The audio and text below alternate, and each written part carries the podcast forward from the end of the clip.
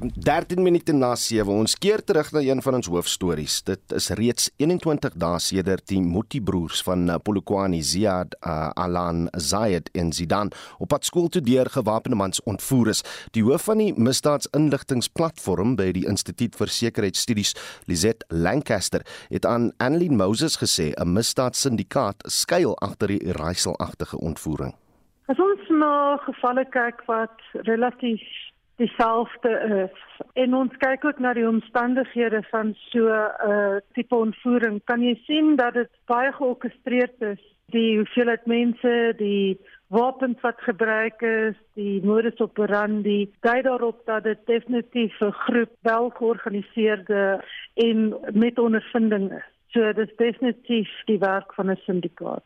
Watter werk sou hulle vooraf moes doen om die ontvoering te kon uitvoer?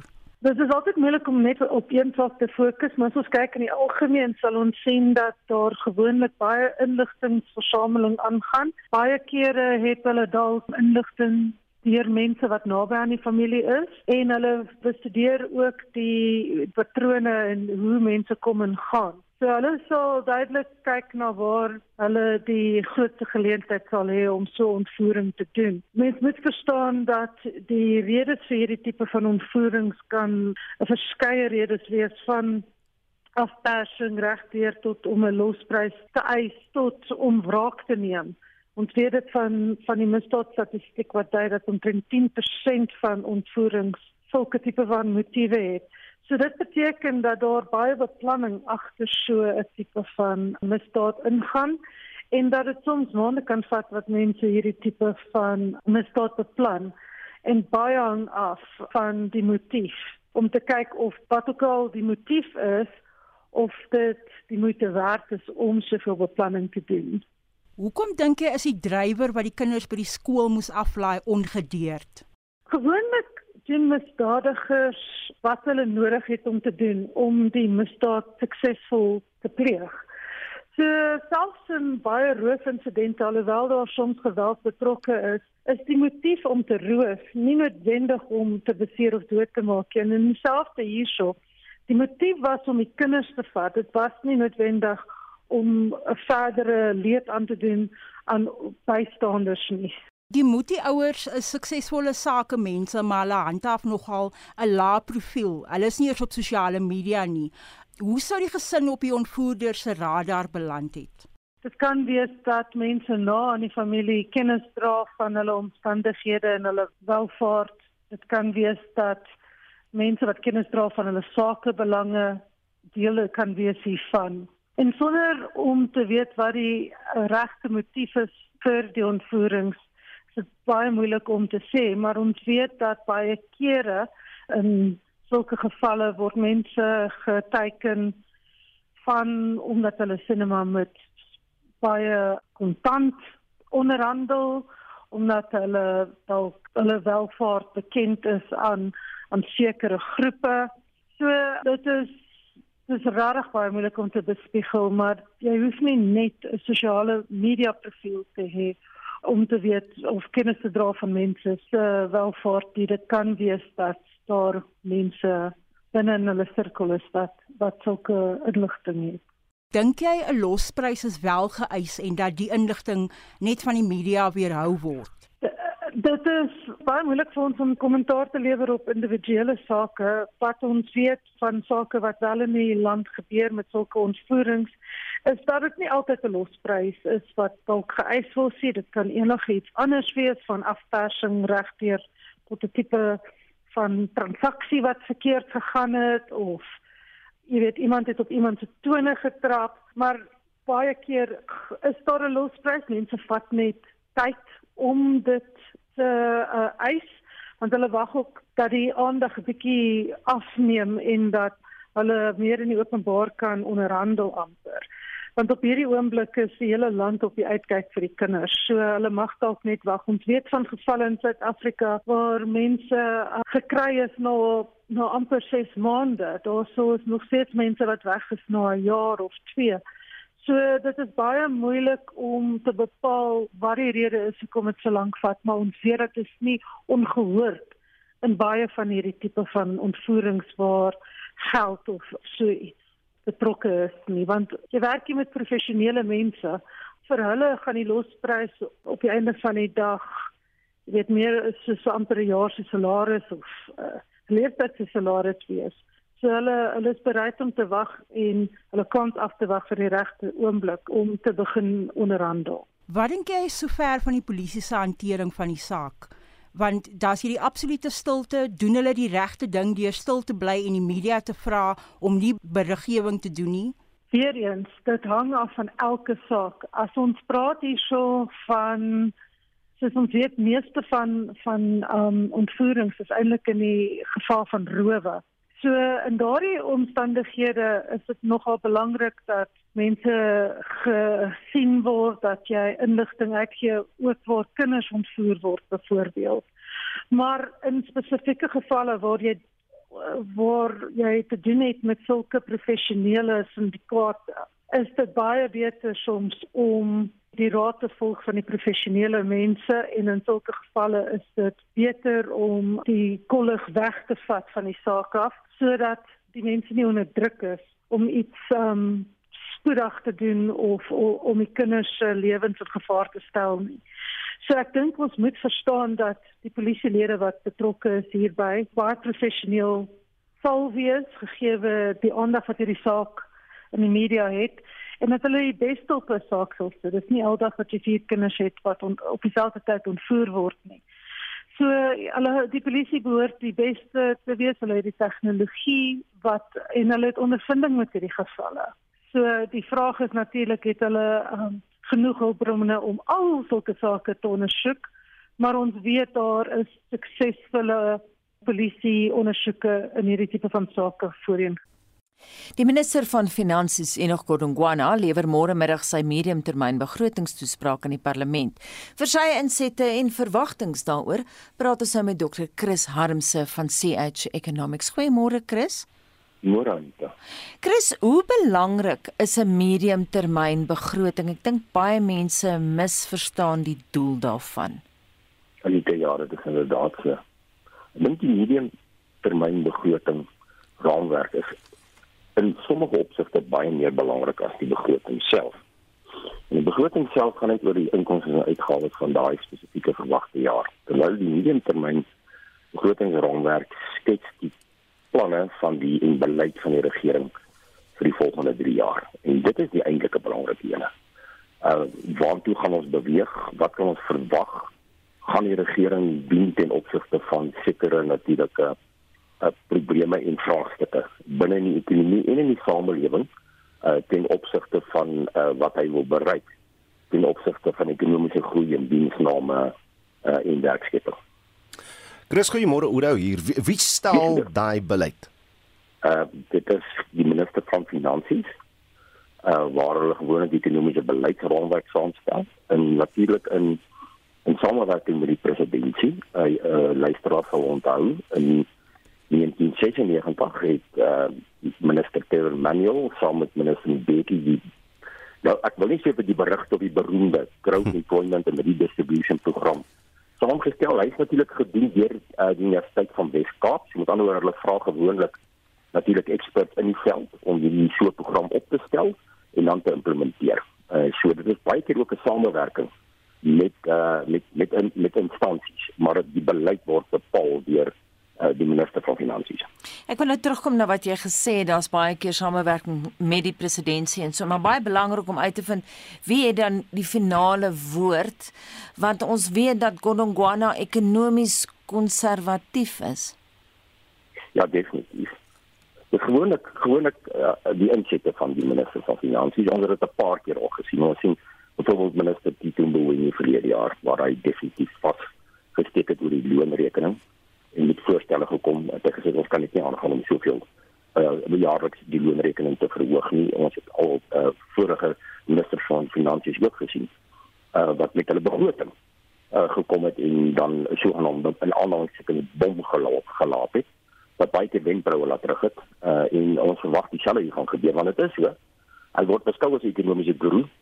Hy het 'n hoog aangeskrewe MSc graad in finansiële ekonomie aan die Universiteit van Londen hy is 'n ou Trevor Manuel en en Betty man. Mm. Hy is konservatief en ehm um, dit lyk vir my as jy na sy ekonomiese argumente kyk, dan beteken dit hy dit lyk dit vir my 'n baie sterk karakter en hy het spesifieke uh, doelstellings en doelwitte wat hy wil bereik.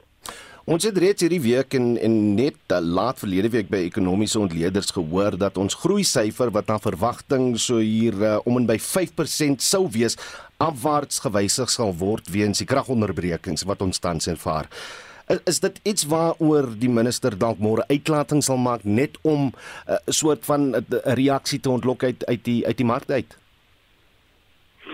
Ja, inderdaad. En dit is waaroor die begroting gaan môre. Uh hy gaan definitief begin in sy eerste in sy eerste uh 20 30 minute oor oor oorsig te gee oor wat verwag die departement finansies oor ekonomiese groei. Nou ons net net stap terug gaan. Verlede jaar het hulle verwag dat die ekonomie sou hierdie jaar net groei teen 3.6%. En die begroting is hy effens die hoofbegroting is effens opwaarts aangepas tot 4.6%. Uh, as die 4.2%, maar intussen het die Reservebank en die Wêreldbank hierdie ekonomiese groei opgeskryf tot selfs oor die 5%.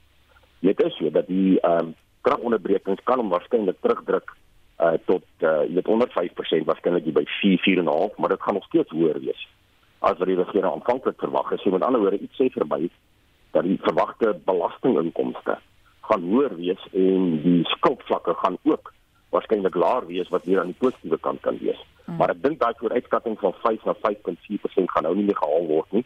Ons sien ook dat daar bottelnekke is rondom die infrastruktuur om landbou uit te voer uh, ons invoere wat vashak in die hawens en so voort. So uh my vermoede is ook dat die ekonomiese groei waarskynlik hier gaan afwaarts aangepas word na iets so 4.7 of 4.8%.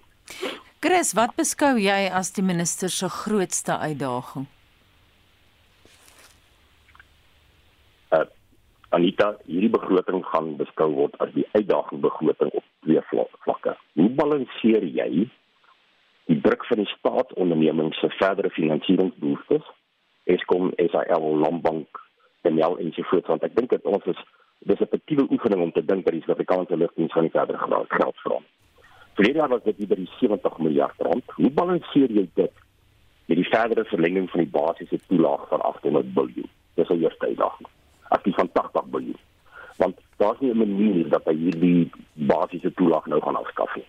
Dit gaan polities selfmoord wees In die tweede plek ekonomiese teorie sê ons ook as jy eers een keer 'n subsidie gegee het vir toelaag, gaan jy nie sommer afskaaf nie. Dis sy eerste probleem. Sy tweede probleem is hoe gaan hy sy loonrekening verminder?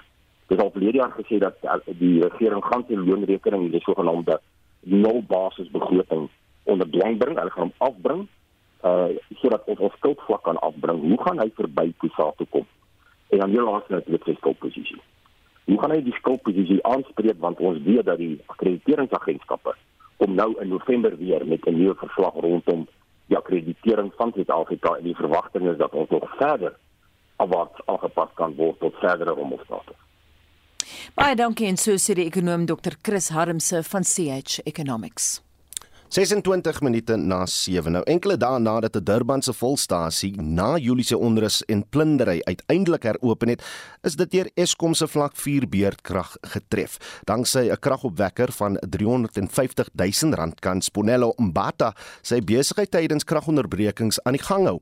Maar ondanks die groot uitgawes en die duisende rande rande se diesel wat die kragopwekker verbruik, lê Mbata steeds verliese. Klante draai om en werkers is ledig in die halfuur wat die elektroniese apparaat neem om aanlyn te kom.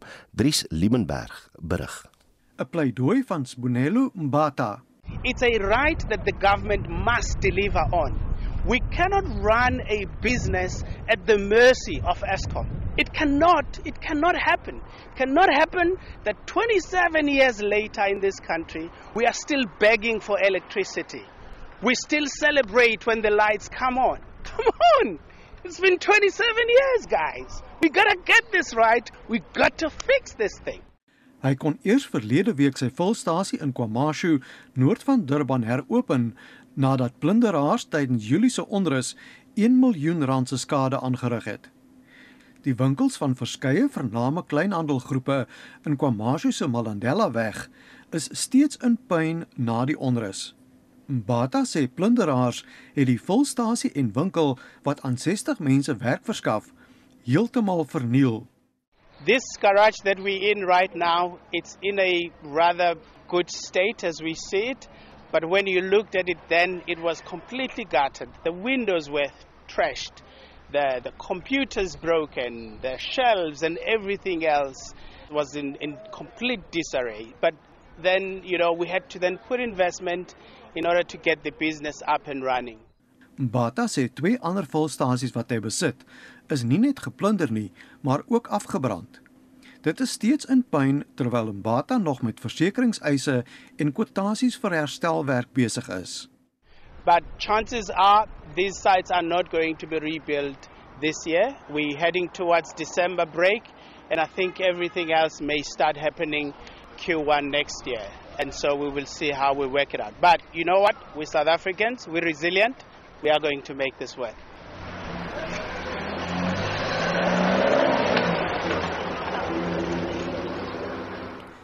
Mbata praat oor die probleme waarmee hy tydens beurtkragte kampe het, ondanks sy kragopwekker. And then over and above that, when electricity comes back, you've got issues here. You've got issues of electronics that are not working because of the switch on and off. You've got pumps that are down, the downtime. You've got staff that are waiting. It's not their problem. You got to pay them.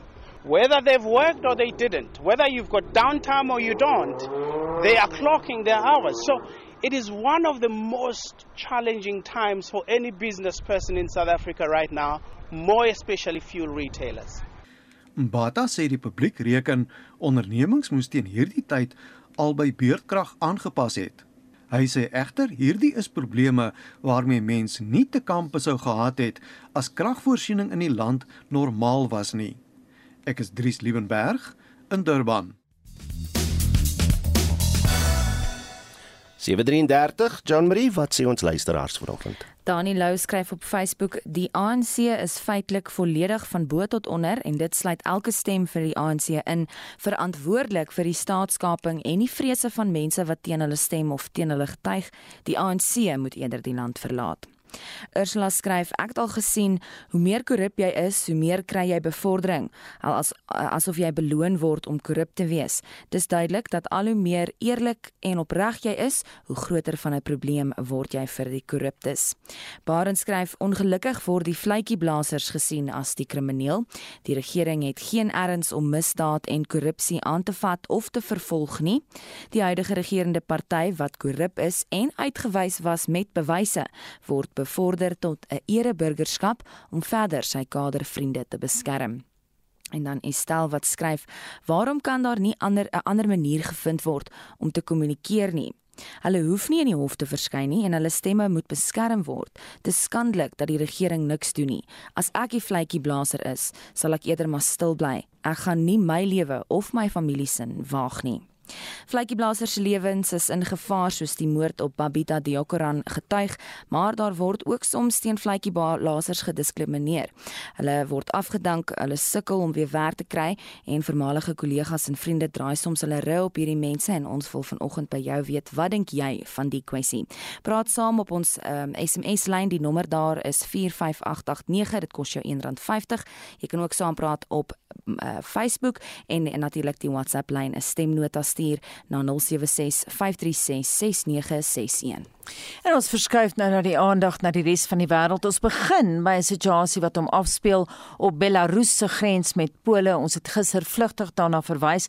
Die Europese Unie sê hy sal bykomende sanksies teen Belarus instel en die EU sê die leier van Belarus, Alexander Lukasjenko, tree op soos 'n bendeleier teenoor migrante by daai grenspos en Essie de Klerk het vir ons al die agtergrond. Essie oor na jou. Lukasjenko se regering word daarvan beskuldig dat hulle migrante na Belarus lok om hulle dan eenvoudig na die EU te stuur uit wraak teen sanksies wat teen Belarus ingestel is. En Lukasjenko het die beweringe ontken. Ten minste 2000 migrante is saamgedrom by die Poolse Belarus grenspos in temperature wat tot onder vriespunt daal en verskeie mense is reeds die afgelope paar weke daar oorlede. Die migrante kamp in tente aan die een kant van die grond van die grenspos en aan die ander kant word hulle weerhou daarvan om die grens oor te steek deur Lemmetjiestraat en Poolse wagte wat daar waghou. Die BBC se Nick Beek het met een migrant van Irak deur die draad gepraat. And so many family and little children. What did the Belarus police say to you? Nothing, just go and you can't go back. Did they help you get to the border at all? Uh, yes, they help us. Pola handhaaf 'n noodtoestand en soos wat Nick Beek hier vertel, kon hulle nie nader aan die grenspos beweeg nie. Well, this is as close as we can get to the Poland-Belarus border today because beyond this checkpoint lies a part of the European Union that the Polish authorities do not want us to see for ourselves. They are dealing with this growing migrant crisis out of sight and on their own terms. Pole het die ondersteuning van die EU wat Belarus daarvan beskuldig dat hulle mense as menslike skulde gebruik, iets wat deur Lukasjenko se regering ontken word. En Pole se eerste minister Mateusz Morawiecki sê Moskou trek die toutjies. This attack, which Lukashenko is conducting, has its mastermind in Moscow. The mastermind is President Putin. Maar Moskou ontken dit. Lukasjenko het gewaarsku hy sal Rusland se hulp inroep as dit nodig is. It will immediately drag Russia into this whirlpool and it's the largest nuclear armed power. I'm not a madman. I understand very well where this could lead to. Dit was die leier van Belarus, Alexander Lukasjenko. En dan gaan ons na Skotland, kommerwekkende nuus vanuit Glasgow waar COP26 klimaatswetenskaplikes waarsku dat die wêreld steeds op pad is om gevaarlike hoë temperature teen die einde van die eeu te bereik, selfs al kom die lande al die beloftes na wat tydens daardie beraad gemaak is, dit. Ja, Anita, die onafhanklike klimaataksiemeter pyl temperature sal tot 2,4 grade bo voor-industriële vlakke styg in plaas van die verwagte 1,5 grade. En die ruimtevader Tim Peak woon die beraad by en het sy bekommernis gedeel. Every sunrise and sunset, we see Earth's atmosphere just 16 kilometers thick, and you realize that's it. That's what protects all life down here on the planet. And, if we put things into that atmosphere, if you, for example, wildfires, um, you see them covering entire continents, and the smoke disperses, and that's when you really appreciate that it doesn't have anywhere else to go. We're, you know, we're all on this one planet together. Die direkteur van die Verenigde Nasies se omgewingsprogram, Inger Anderson, sê elke land moet sy beloftes nakom. We don't have much time. We want to stay under 1.5, and we're already seeing the climate changing. So now we need to invest. Now we need to protect. We cannot kick this can down the road. It is not something we can do in 2030, 2050. We need to do it in 2021 and 2022. En dit was die direkteur van die Verenigde Nasies se omgewingsprogram Inger Anderson. En dit was Estie met 'n oorsig van vandag se wêreldnuus gebeure.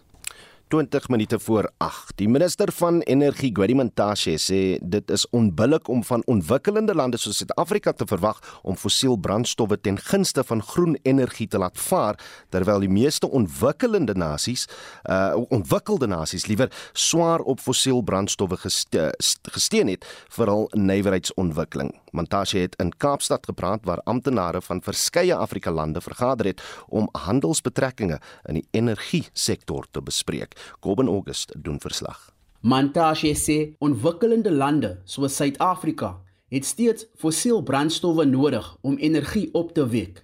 Hy sê Afrika is ook die vaste land wat die minste besoedeling veroorsaak terwyl ontwikkelende lande fossiel brandstowwe vir hul ontwikkeling gebruik. Hy sê Suid-Afrika kan hom nie in hierdie stadium daartoe verbind om net groen energie te gebruik nie omdat die land se energieproduksie op steenkool staat maak.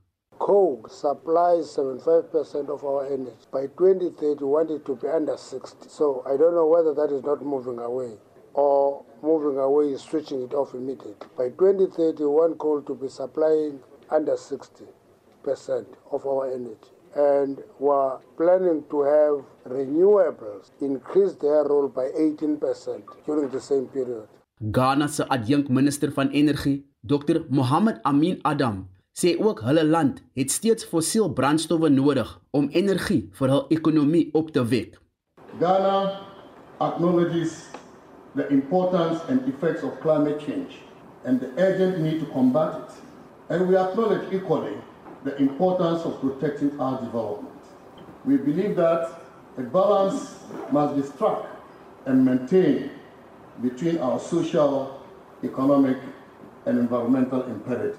Namibië se minister van energie, Tom Alwindo, sê die hoë vlakke van energiearmoede regoor Afrika moet ook verminder word. Hy sê Afrika het net minimaal tot globale koolstofvrystellings bygedra. Africa is only responsible for 3.2% of energy usage within the global context and only accounts for 3 to 4% of the world's carbon dioxide emission from energy and industrial resources. But what we suffer from as Africa, we suffer from energy poverty or the lack of access to modern energy services, despite the natural abundance of fossil fuels and renewable energy sources. Intussen sê die Suid-Afrikaanse Departement van Energie dat hy verskeie verkrygingsprosesse uitvoer om bykomende energie te verkry wat by die nasionale netwerk gevoeg kan word wat sal help om die impak van beerdkrag te verlig. Ek is Coben August in Kaapstad. Die COP26 klimaatsberaad in Glasgow eindig Sondag en een wetenskaplike wat dit ten nouste volg is professor François Engelbrecht van Wits Universiteit se Global Change Institute. Goeiemôre François. Goeiemôre Anita. Ek weet jy het nou na die vorige bydrae geluister en het gehoor wat sê Gwedi Mantashe. Wat is jou kommentaar daarop? Ja, dit is baie kommerwekkend dat minister Mantashe lei aan sulke wanpersepsies as dit kom by klimaatsverandering. Waar by eerder moet fokus is dat Afrika die kontinent is wat die mees kwesbaarste is as dit kom by klimaatsverandering. En dit absoluut in Afrika se belang is dat die proses om klimaatsverandering te verstadig en uiteindelik heeltemal te stop om globale verwarming om te keer.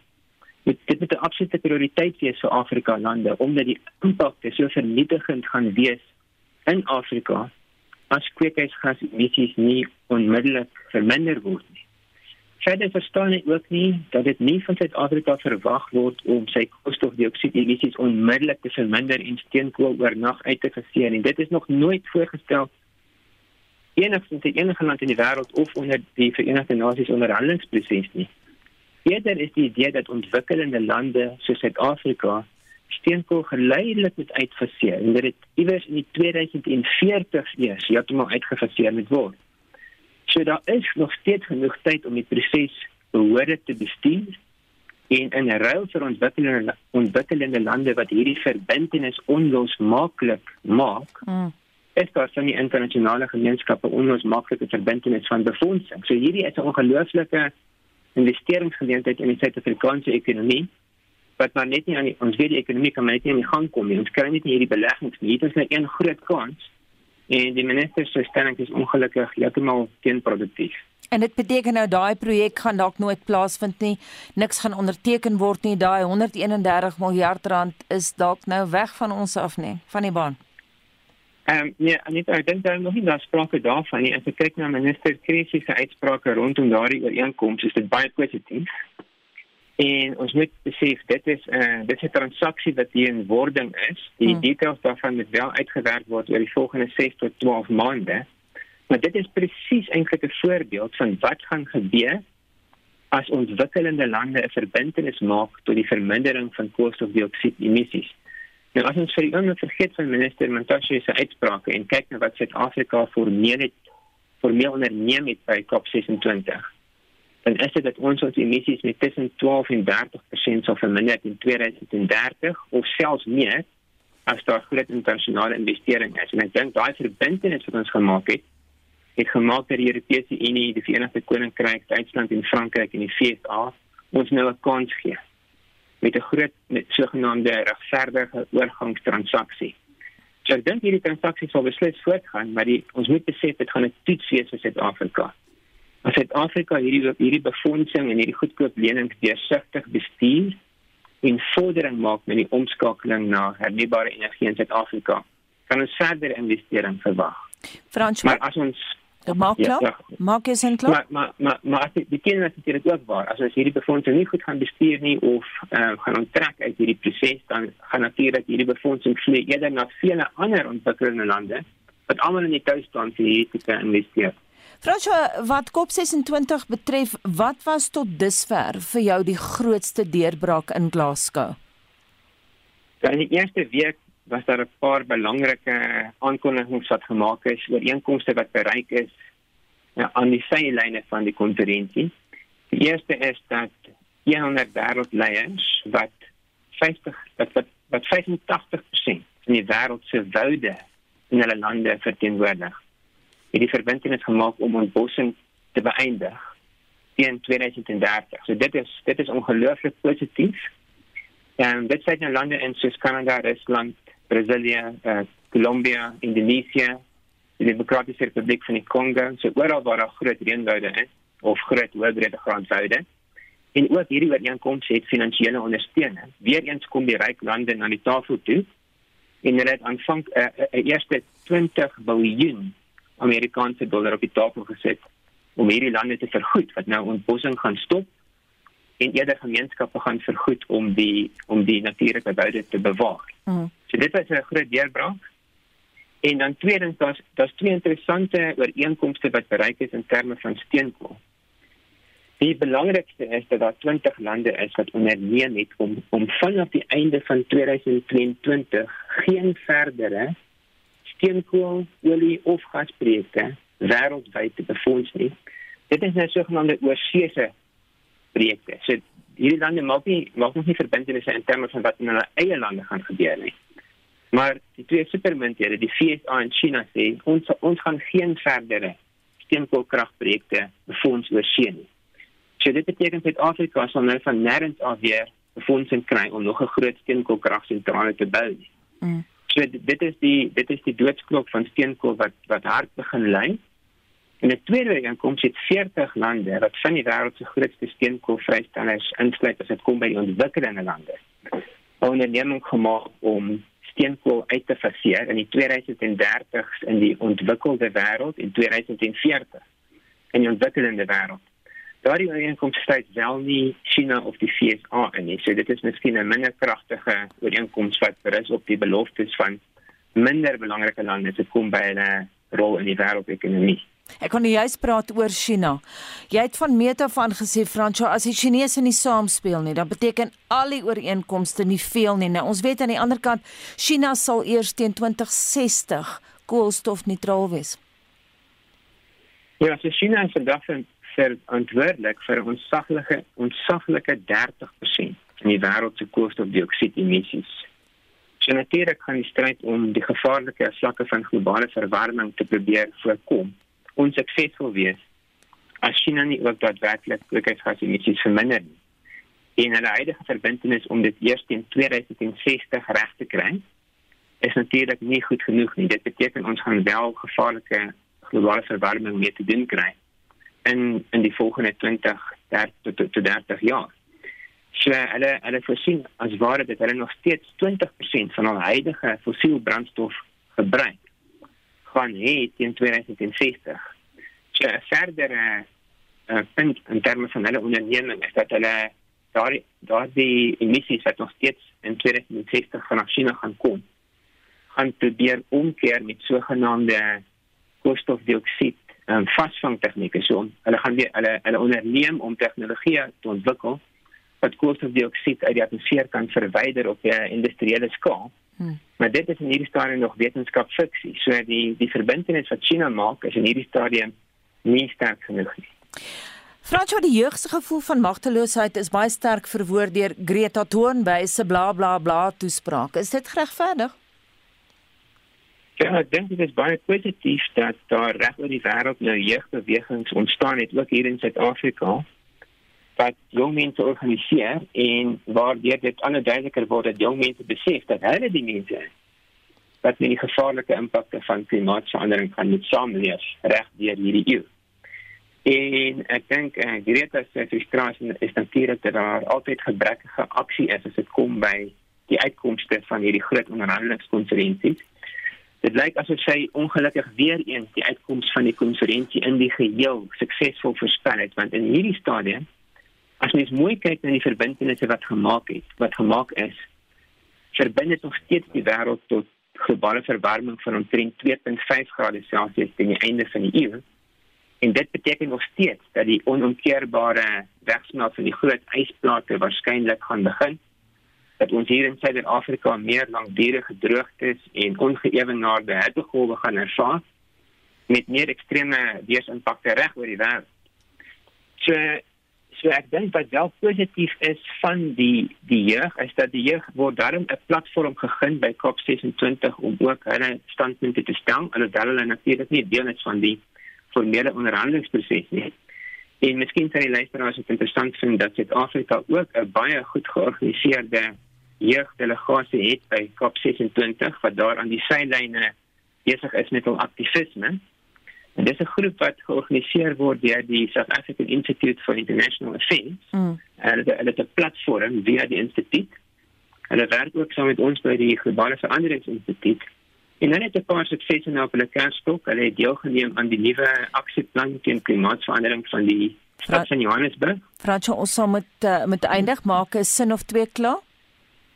En uh, ek verneem hulle gesels ook direk met die leier van die Afrika groep uh, by die onderhandelinge lei vir Afrika by COP26. So die Suid-Afrikaanse jeug speel dan 'n baie positiewe rol ook in die onderhandelinge. Baie dankie en so sê professor François Engelbrecht van Wits Universiteit se Global Change Institute.